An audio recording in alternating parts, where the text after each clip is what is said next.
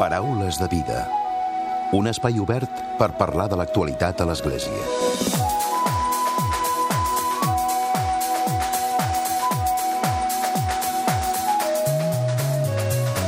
Què tal? Salutacions i molt bon dia, molt bon diumenge. Avui el nostre protagonista és en Dagoberto Rojas, un jove colombià que el passat diumenge va ser ordenat diaca a la catedral de Girona pel bisbe Francesc Pardo. Ha fet els estudis eclesiàstics al Seminario de Cristo Sacerdote de la Ceja, Antioquia, i a la Universitat Pontifícia Bolivariana a Medellín. Es troba a la diòcesi de Girona actualment des del mes de febrer del 2016. Ha estat col·laborador de la parròquia de Vilobí d'Unyar i ara ho fa també amb la de Santa Maria de Pineda de Mar, al Maresme. Avui coneixerem el seu testimoni vocacional, el seu dia a dia a casa nostra i també li preguntarem si continuarà els seus estudis de litúrgia. De seguida el saludem.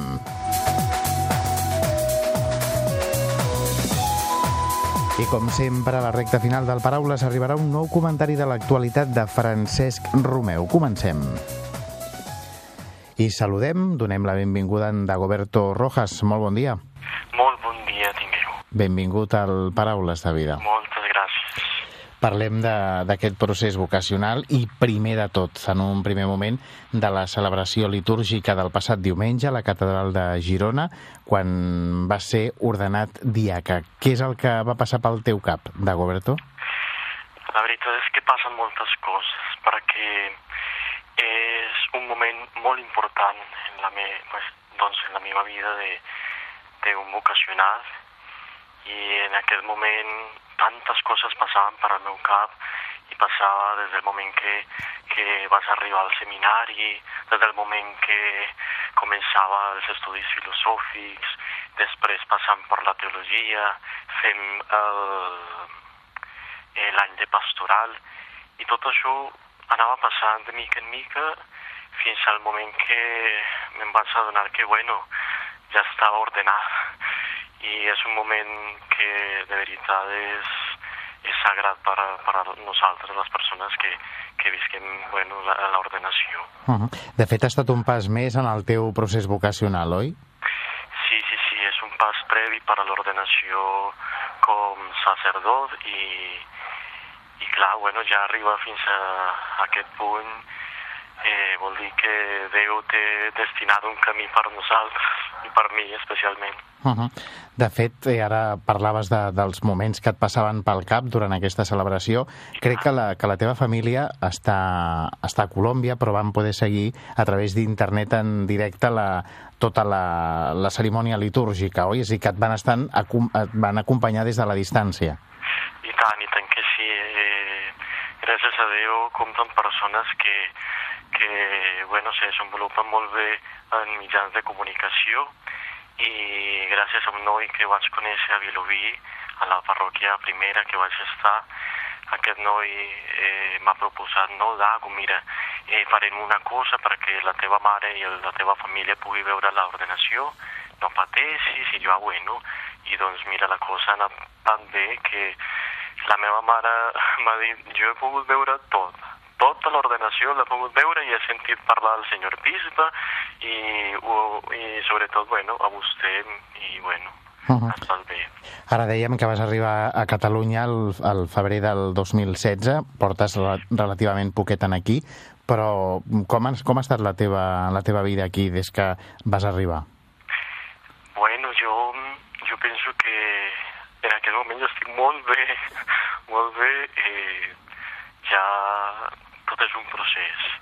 Les persones quan, quan marxen del seu país i arriben a un altre país i nous costums, eh, persones que són diferents, cultura que és diversa, saps? Eh, tenim que situar-nos i, i dir, bueno, eh, a donde fueres hacer lo que vieres.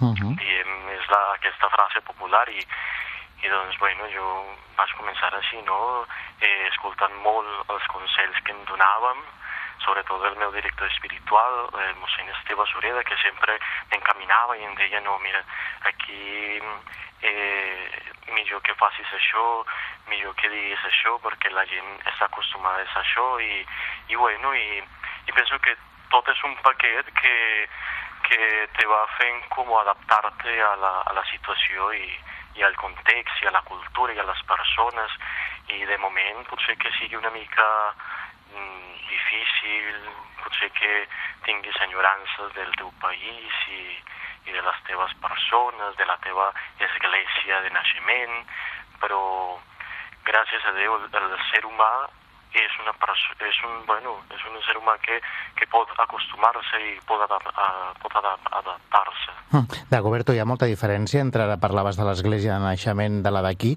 i trobes moltes diferències o més o menys és el, es viu de la mateixa manera? Bueno, mm, tenim que dir que eh, pertanyem al mateix ritu, no? El ritu romà i el ritu llatí, fins i tot.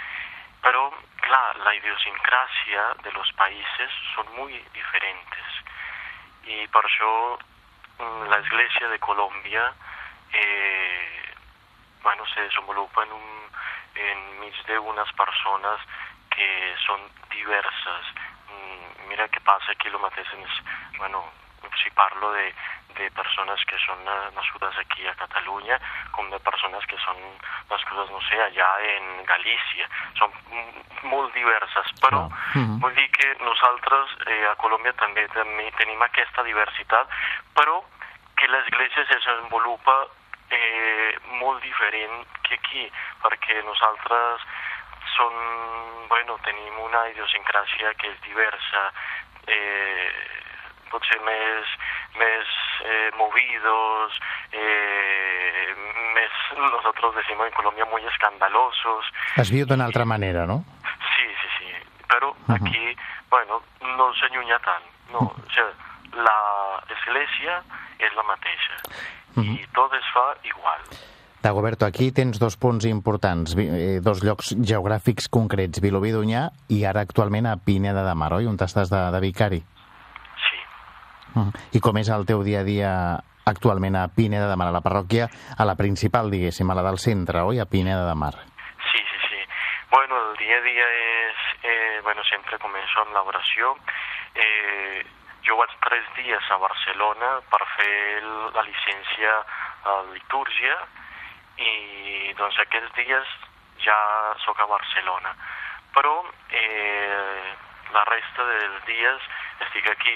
I què tinc? Bueno, tinc la feina de, del col·legi, tinc les portes obertes d'un col·legi que és el col·legi de la Mare de Déu del Roser d'aquí de Pineda de Mar, que pertany a les dominiques de l'Anunciata, i doncs aquí tenim un grup que s'anomena el grup CREC i aquí ajudem els nens i nenes d'aquell col·legi perquè tinguin una visió mm, més maca no? de lo que és l'església, Déu i el Senyor, mètodes d'oració i bueno. Després el servei litúrgic d'aquí a l'església, d'aquí de la parròquia, eh, els grups parroquials, la catequesi de, de seguiment eh, d'aquí de la parròquia, els escolans els porto jo, eh, vida creixent ho porto jo també, eh, i bueno, acompanyo els diferents grups també que, que hi ha en la parròquia, perquè bueno, m'agrada tocar la guitarra i m'agrada cantar també. És a dir, que fas moltes coses, no?, dintre de la vida parroquial. Sí, sí, sí, déu nhi I, I com... No, no sé, tu estàs en el procés de, per, ser, per arribar a ser capellà, però quins creus tu que, que són els elements o les característiques que ha de tenir el capellà de, del present i del futur? Com, com ha de ser?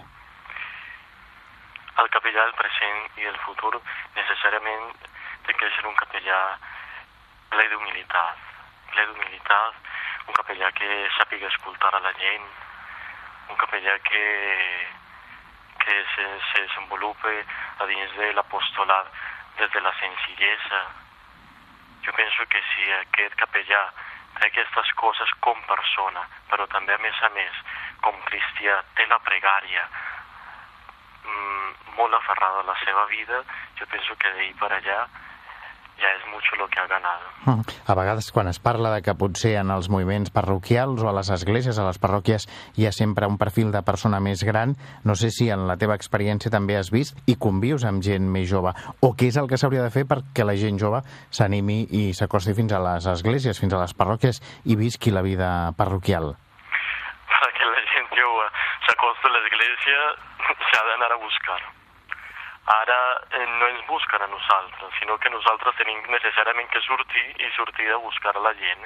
I per això, eh, bueno, deia abans això d'anar al col·legi i tot, mira, si eh, aquestes persones tenen una imatge d'una persona d'església, segur que després, després arribarà el moment que aniran a buscar al capellà, a la religiosa, a l'església, que aniran a buscar a l'església un consell, unes paraules que li donem fortalesa, saps què vull dir? O sigui, jo penso que nosaltres en aquest moment, si estem esperant que ens arribin la gent, no, apagui i vámonos, no, no pot ser. Tenim que necessàriament sortir i sortir perquè sàpiguen que nosaltres existim encara i que estem aquí disposats a rebre'ls. Uh -huh. Com ha estat el teu procés també d'adaptació a Catalunya? Abans parlàvem, de fet, fa molt poc, fa un any i escassos mesos que, que estàs aquí, però fins i tot ja parles i amb, amb molta fluidesa el, el català. Suposo que no has tingut problema i que tens també gent que t'acompanya, no? Sí, gràcies a Déu, tinc molta gent que m'acompanya. D'això parlava aquesta setmana amb els meus companys que, que a mi em va sorprendre molt veure la catedral plena, perquè sóc un colombià que porto any i mig i, i la catedral de Girona, que té una nau molt gran, estava totalment plena, plena de persones que han compartit conmigo i que me, me quieren, me estimen. Jo, jo he fet el meu esforç per la meva part, perquè jo penso que ja cal, no? Cal fer un esforç perquè la gent senta que, mira, aprecies la seva cultura i jo la veritat és que aprecio molt la cultura catalana i bueno, quan hi ha coses que la veritat és que no entenc i la veritat és que mm, com que no he viscut aquí tota la meva vida no puc parlar d'elles, doncs eh, de què parlo? Bueno, parlo des de parlo des, de, des del ser de cristià i, i jo penso que si parlo des de, des d'aquests dos punts que ja són importants i que és de lo que fins i tot jo tinc que parlar, doncs la gent ja, ja estima això perquè la gent és, cerques a Déu i no cerques que el capellà parla d'altres coses. Uh -huh. T'hi veus molts anys, t'hi veus de capellà i molts anys a Catalunya?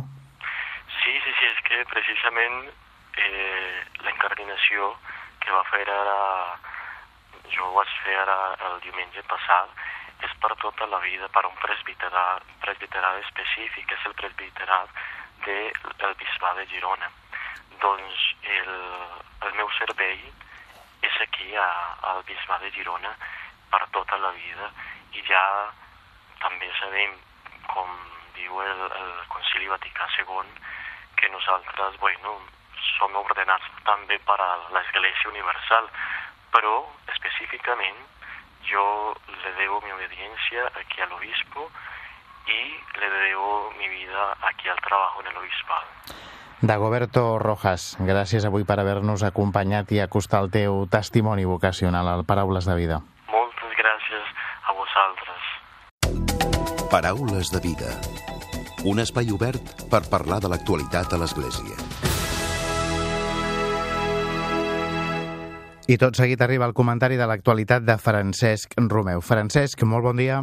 Molt bon dia a tothom. Diumenge passat, al migdia, el papa francès va anunciar la convocatòria pel proper dimecres 28 de juny d'un nou consistori de cardenals, durant el qual seran creats cinc nous cardenals. Un d'ells és l'arcabisbe de Barcelona, Joan Josep Omella, que rebrà el birret de cardenal només dos mesos després que el seu predecessor, el cardenal Lluís Martínez Sistac, hagi deixat de ser elector en haver complert ja els 80 anys d'edat. Recordem que el dijous 29 de juny celebrarem la solemnitat dels apòstols Pere i Pau. En el moment de l'anunci, el papa francès va dir que la seva provinença de diverses zones del món manifesta la catolicitat, és a dir, la universalitat de l'Església difosa per tota la terra. També va comentar que l'assignació d'un títol o una diaconia per a una parròquia de Roma testimonia la seva pertinença a la diòcesi de Roma, que presideix en la caritat. Aquesta vegada el papa Francesc ha escollit a cinc nous cardenals. Tots ells han edat encara de ser electors. Recordem que la darrera vegada en escollir cardenals, el novembre del 2016, el papa Francesc en va fer un paquet de 17 nous cardenals, entre els quals n'hi havia 13 d'electors i 4 d'honorífics, perquè ja eren majors de 80 anys. Entre els electors d'aleshores hi havia l'arcabisbe de Madrid, Carlos Osoro, aquesta vegada, els nous purpurats provenen de Mali, Laos, El Salvador, Suècia i Espanya. Aquests són els noms. Joan Josep Omella, arcabisbe de Barcelona, Gregorio Rosa Chávez, bisbe auxiliar de San Salvador, a El Salvador, Jan Cervo, arcabisbe de Bamako, a Mali, Anders Arborelius, bisbe d'Estocolm, Suècia, i Luis Marí Ling Makannekon, vicari episcopal de Paxé, a Laos. Fixem-nos bé que hi ha un africà de Mali, un asiàtic de Laos, un sud-americà del Salvador i dos europeus, un d'Estocolm i el nostre arcabisbe de Barcelona. Per tant, podem fer una doble valoració. Primera pel lloc i segona per la persona. Pel lloc hem de dir que Barcelona es va consolidant cada vegada més com una diòcesi cardenalícia, atès que tots els darrers arcabisbes han estat sempre escollits cardenals, o potser podríem formular-ho d'una altra manera, ja són escollits per ocupar un lloc on esdevindran tard o d'hora cardenals. Això ens dona a Barcelona una referència internacional. Amb el papa francès, que sempre està preocupat per les perifèries del nostre món, se segueix donant a Barcelona una rellevància important.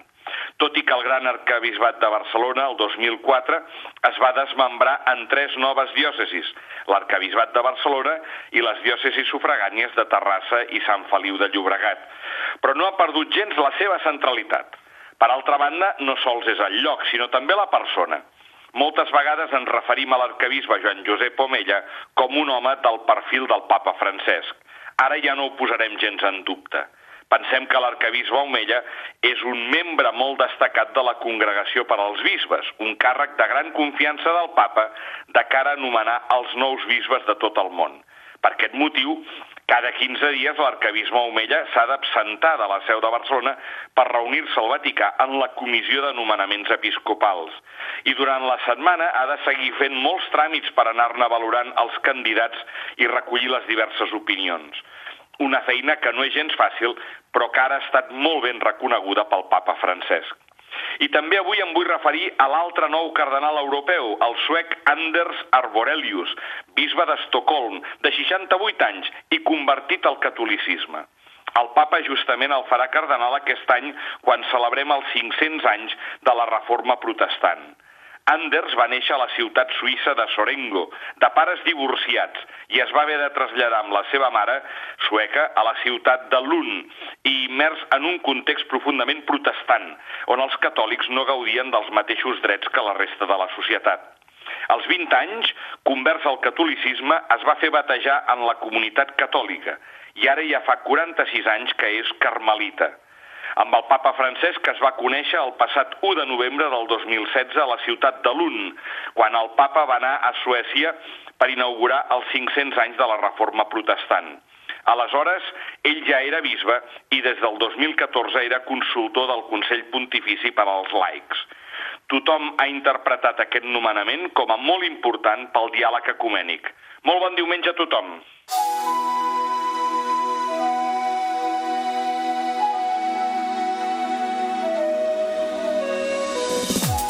Fins aquí el Paraules de Vida d'aquest diumenge d'aquesta setmana. En Diego Monroy ha estat el control tècnic i qui us ha parlat l'Emili Pacheco. Que passeu bon diumenge i una molt bona setmana.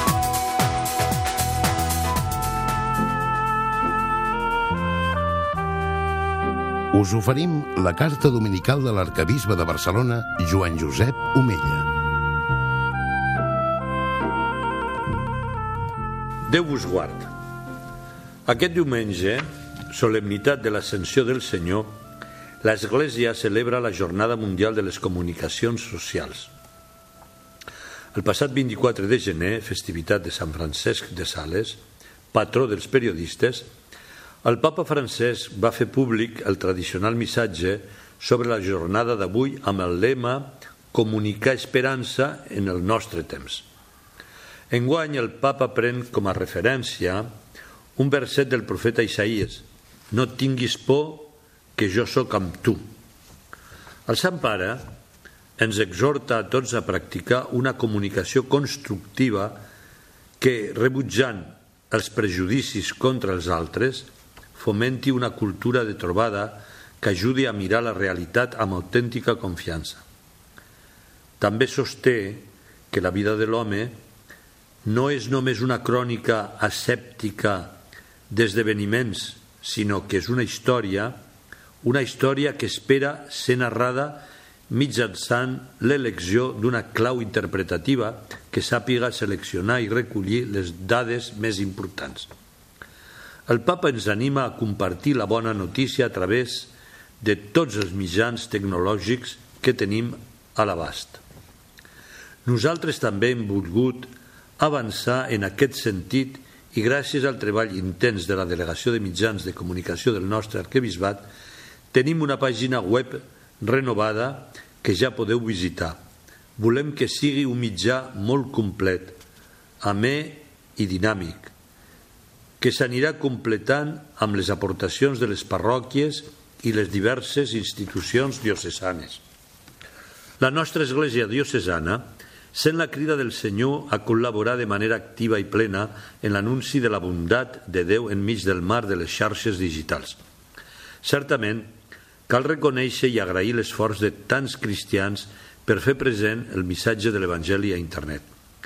Cal ser presents en aquesta xarxa mundial en la qual es fan paleses enormes possi possibilitats de comunicació instantània i directa a nivell mundial superant les distàncies.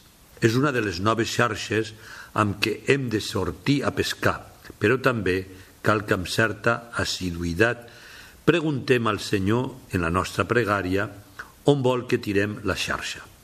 Els creients hem de donar gràcies a Déu per aquesta nova oportunitat tan gran que ens ha posat a les mans. Els darrers anys han confirmat el títol que el Concili Vaticà segon va posar al document sobre els mitjans de comunicació intermirífica. Deia, entre els meravellosos invents de la tècnica. El papa, en el missatge d'enguany, fa també un judici ple de realisme quan diu que el regne de Déu està ja entre nosaltres com una llavor oculta a una mirada superficial en què el creixement es produeix en el silenci. Qui té els ulls purs per la gràcia de l'Esperit Sant, el veu brotar i no deixa que el jull, que sempre està present, li robi l'alegria del regne. Ara bé, tenir més xarxes socials no sempre significa tenir una major i millor comunicació entre els éssers humans. Hem d'estar molt atents perquè l'accés a internet no es condueixi a l'aïllament. Per això, aquesta jornada ha de ser per a tots nosaltres una crida a la nostra consciència i responsabilitat. Aquests mitjans necessiten el suport i la cooperació de tots, però especialment dels creients, perquè puguin realitzar sempre la seva funció i el seu servei de comunicació. Necessitem uns mitjans de comunicació al servei de la persona, de la comunió i de la veritat que actuïn sempre amb un respecte exquisit per les persones uns mitjans que s'esforcin a bendir i no a maldir, a edificar i no a destruir. Benvolguts germans, que Déu us beneixi a tots. Us hem ofert la carta dominical de l'arcabisbe de Barcelona, Joan Josep Omella.